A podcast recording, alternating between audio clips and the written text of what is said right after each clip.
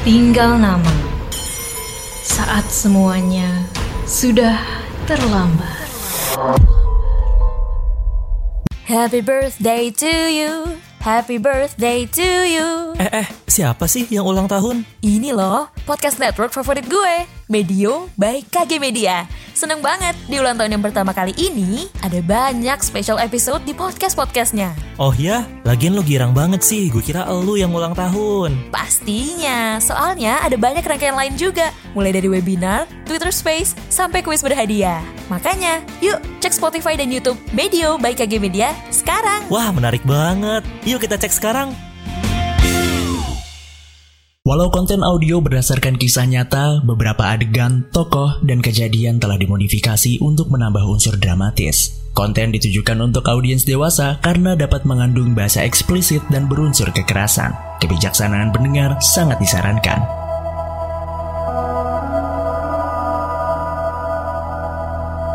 Selamat datang di podcast Tinggal Nama, podcast original series persembahan Media Podcast Network by KG Media.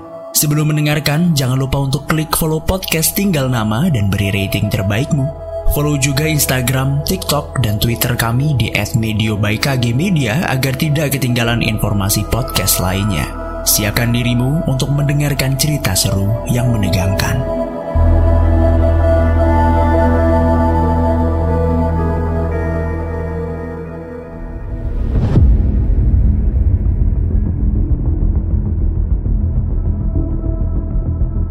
Kisah ini adalah lanjutan dari episode sebelumnya.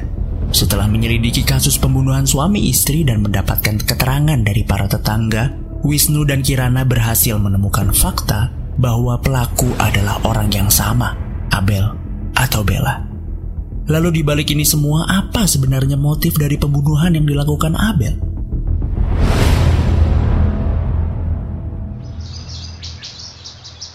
Kusut banget muka kalian. Jadi gimana? Ada jejak yang ditinggalkan pelaku di TKP nggak? Kami tidak menemukan bukti kuat, Pak. Kawasan itu tidak memiliki CCTV sama sekali. Dan tidak ada saksi yang mengatakan mereka melihat sesuatu yang mencurigakan di waktu kejadian. Sepertinya kalaupun ada saksi, mereka tak akan acuh dengan peristiwa ini, Pak. Karena keduanya memang dikenal sering bermasalah. Ya tadi Tia sudah menjelaskan ke saya perihal itu. Selain itu, warga kampung tersebut memang terkenal sulit kooperatif polisi. Benar Pak Haikal.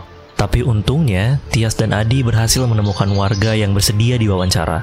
Dari petunjuk luka dan kesaksian para tetangga, kecurigaan kita mengenai pelaku yang sama sepertinya benar. Abel si wanita panggilan yang kemarin melakukan pembunuhan di Hotel Delima, dialah pelakunya. Baiklah, coba jelaskan atas dasar apa kecurigaan kalian terhadap perempuan itu secara lengkap. Wisnu dan Kirana pun menceritakan secara detail apa yang telah mereka temukan. Tak lupa juga mereka menunjukkan foto Abel yang didapatkan dari tetangganya. Atasan mereka pun paham mengapa perempuan itu patut dicurigai. Oke, kalian buat laporan tertulisnya. Terus selanjutnya, coba kalian selidiki lagi ke para tetangga yang kalian wawancara. Pertama, coba kalian gali dulu informasi perempuan ini punya kekasih. Mungkin ada sesuatu tuh yang bisa didapetin. Baik Pak, segera dilaksanakan. Sebentar. Halo, Ti? Oh oke. Ini Tias mau laporan soal hasil otopsi. Pak Haikal dan Bu Kirana. Jadi secara ringkas, dokter forensik bilang kalau ada 12 tusukan di tubuh korban laki-laki, termasuk di kedua tangan dan kakinya. Salah satunya memanjang dari ulu hati sampai bawah perut dengan gerakan mengoyak-ngoyak. Terdapat juga gerakan di leher yang dilakukan berulang kali sampai kepalanya putus. Pada korban perempuan hanya ditemukan 9 tusukan, tetapi dengan pola serupa. Kali ini tidak ada jejak sidik jari, sama seperti di TKP yang juga bersih dari jejak kaki. Sepertinya pelaku kali ini lebih profesional. Oke Ti, makasih. Kalau udah selesai, jangan lupa bawa hasil visum yang lengkap dari rumah sakit ya. Siap, Nu. Saya izin tutup telepon ya. Keesokan harinya, Wisnu dan Kirana kembali menyambangi kediaman Bu Ida. Waktu menunjukkan pukul 9 pagi, suasana cukup sepi karena warga sudah melakukan aktivitasnya masing-masing. Semoga si ibu tahu banyak ya Nu soal Abel dan pacarnya ini. Iya nak, semoga aja. bakal jadi petunjuk yang besar kalau kita tahu di mana keberadaan cowoknya Abel. Karena bisa jadi mereka masih kontakan dalam waktu dekat. Tapi kok aku malah curiga kalau pacarnya bantuin dia ya, Nu. Bukan apa-apa. Tapi rasanya nggak mungkin aja kalau Abel bertindak sendirian. Hmm, masuk akal sih Ran. Tapi coba deh kita kumpulin semua bukti dulu, baru kita pikirin hal itu. Wisnu juga memiliki pemikiran yang sama. Bukan meremehkan, tetapi bagaimana seorang wanita melakukan tindakan rumit ini sendirian? Apalagi korban kali ini dua orang. Wisnu dan Kirana akhirnya sampai di kediaman Ibu Ida.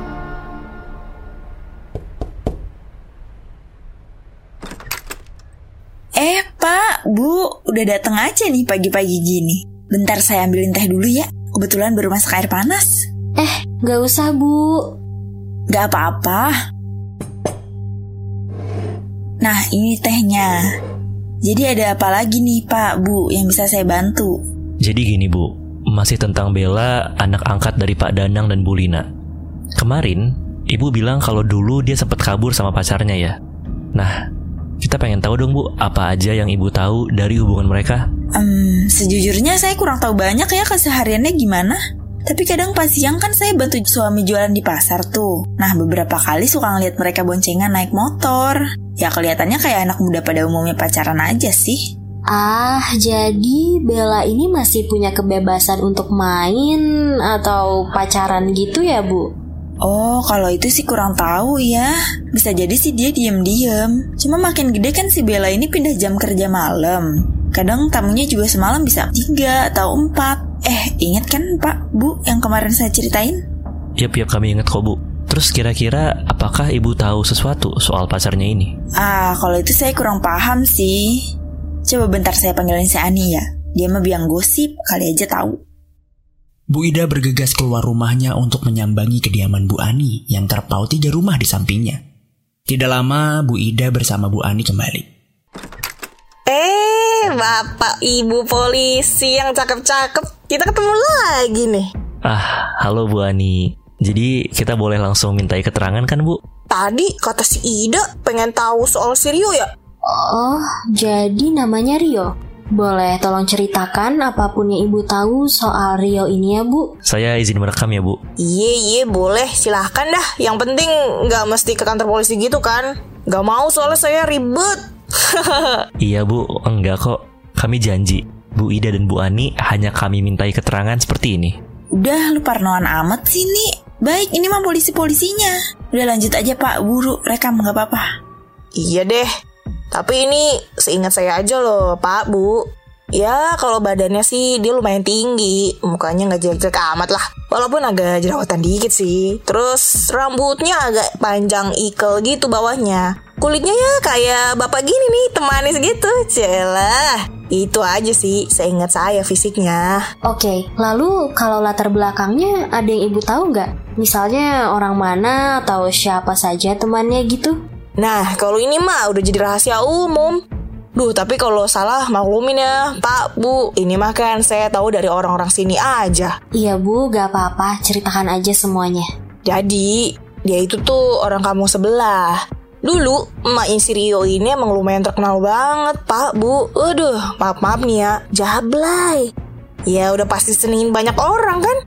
Nah, kampung sebelah kan beda nih sama yang di sini. Jadi agak was-was gitu warga sono sama kelakuan dia. Cuman akhirnya nggak lama dia kawin, terus punya si Rio deh.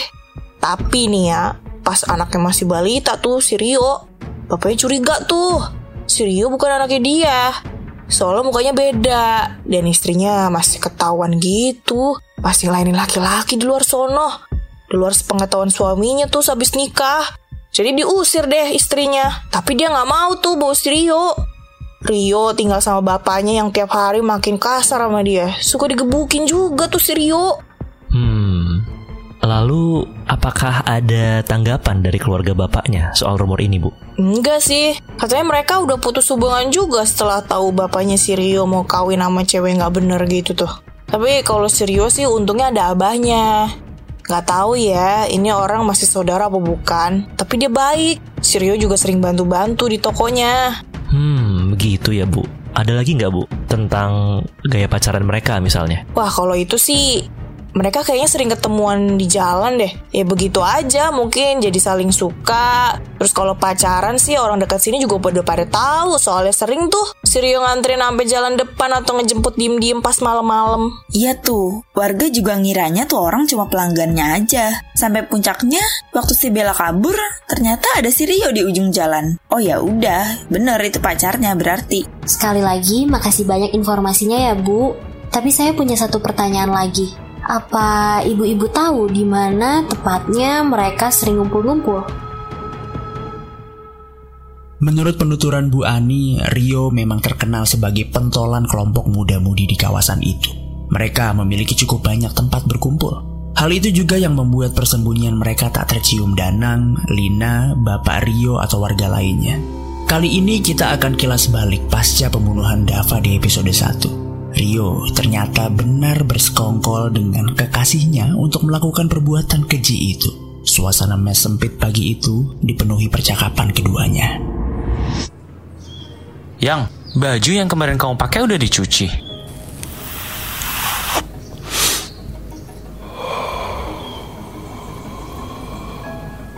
Awas loh, jangan sampai ninggalin jejak sedikit pun. Ya elah, tenang aja. Aman, terkendali semuanya. Ya paling cuma CCTV sialan itu sih. Lagian kamu bilangnya mau cek dulu. Gimana sih? Tenang ya, lagian susah juga dimasukinnya itu ruang kontrol CCTV hotel. Tapi kan yang penting cewek aku pinter. Buktinya bisa keluar dengan santai kan kamu? Ih, sih bawa rokok. Tapi tetap aja ya, aku agak deg-degan takut ada yang lihat tahu. Gak lah, kan aku pantau kamu dari ujung lorong. Gak ada siapa-siapa tuh. Aduh. Tapi tetap aja deh. Kayaknya aku ketahuan. Sayang, jujur aku gak bisa bilang kamu bakal aman. Gak ketahuan. Tapi gak apa-apa kan ada aku. Nanti aku bawa kamu kabur lebih jauh. Kalau perlu, kita keluar dari kota ini ya. Iya deh, iya. Aku percaya sama kamu. Awas aja tapi kalau kamu bohong. Gak akan dong.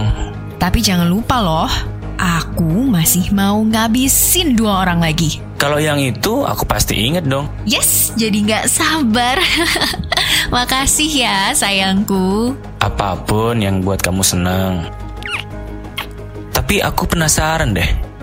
Kamu agak lama loh waktu itu di dalam. Emang susah matinya ya? Atau kamu mainin?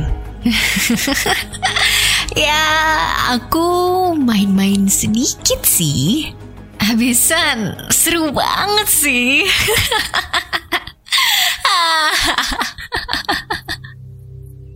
Abel terkikik geli membayangkan ekspresi wajah Dava yang malam itu terlihat sangat ketakutan.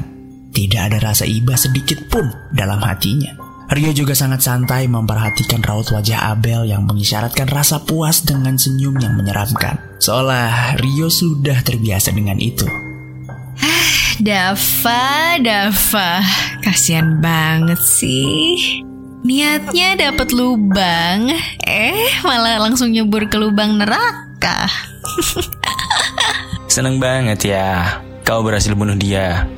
Ya iyalah, dia sama teman-temannya itu penjahat kelamin. Banyak loh ternyata anak yang sepati asuhan sama aku dulu itu perawannya diambil sama mereka.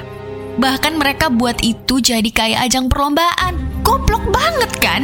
Rasain tuh, biar tahu rasa dia. Tapi agak aneh ya, dia nggak tahu kamu siapa. Bukannya dulu terkenal tuh bapak angkat kamu? Um, mungkin aja sih yang. Soalnya kan pelangganku rata-rata temen bapak semua. Aku juga jarang keluar rumah buat main atau apa gitu kan. Oh iya, iya sih. Terus gimana nih rencana kamu untuk yang selanjutnya? Sini, kita obrolin di dalam. Abel dan Rio berpindah ke kamar kecil yang hanya diisi satu kasur dan lemari kecil. Spray kasurnya terlihat kotor dengan sekelilingnya penuh puntung rokok yang seakan disebar secara sengaja. Layaknya sepasang suami istri. Kamar itu sudah mereka berdua tempati sekitar tiga minggu. Mes ini adalah kontrakan kosong yang sudah lama ditinggal pemiliknya, maka dari itu mereka leluasa menginap.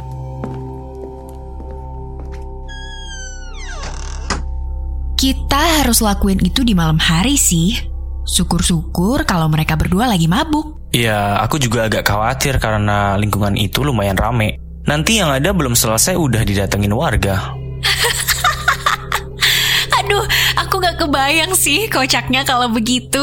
Ya, bukan kocak, tapi aku masih mau hidup lebih lama sama kamu. Kalau ketangkep kan otomatis kita pisah. Apa sih? Please deh, ini bukan waktunya gombal kali. Dengerin nih, jadi nanti aku masuk lewat pintu belakang. Kamu tunggu aja tuh di belakang. Target pertama ibu dulu, karena badan dia mulai ringkih. Jadi gampang dilumpuhinnya. Dia juga sering ada di sekitar dapur. Dah, kalau dia teriak, Enggak, aku nggak mau ambil risiko dengan itu. Jadi aku bekap dulu tuh mulutnya ibu, baru lanjut potong nadi di lehernya. oke, terserah. Tapi untuk jaga-jaga, apa nggak sebaiknya kita pakai obat bius cair aja? Enggak dong, aku kan pengen lihat raut wajah mereka di saat-saat terakhirnya. Aku pengen lihat mereka ketakutan juga, kayak apa yang mereka lihat dari aku dulu. Kalau mereka pingsan, ya aku nggak bisa lihat itu dong. Oh, oke. Terus untuk bapak kamu gimana? Nah, karena dia badannya jauh lebih gede dan tenaganya kuat, aku kayaknya butuh bantuan kamu deh untuk megangin. Hah? Aku? Coba-coba jelasin teknisnya gimana. Jadi nanti aku mau ajak dia ngobrol dulu. Aku yakin 100% kalau dia bakal berusaha buat aku itu balik ke mereka. Ya, kan dulu aku sumber pemasukan terbesar mereka. Terus nanti setelah dia menghadap ke aku, kamu cekik dia dari belakang. Ah, nggak mau kalau aku yang harus bunuh. Karena aku nggak ada urusan sama dia. Eh, turut aja bisa nggak sih? Nanti aku yang penggal kepalanya langsung kalau kamu nggak berani cekik dia.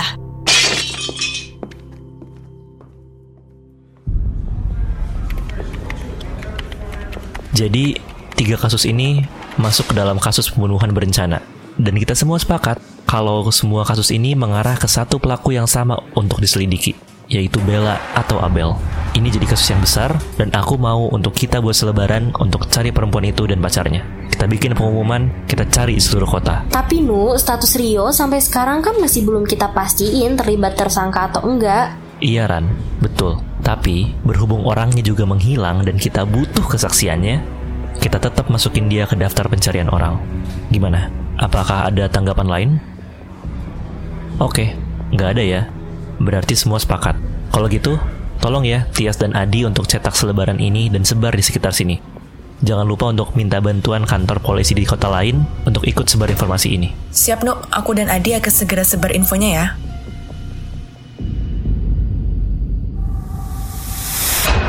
Jangan lewatkan episode Tinggal Nama selanjutnya. Saat semuanya sudah terlambat, yang tersisa hanyalah tinggal nama. Tinggal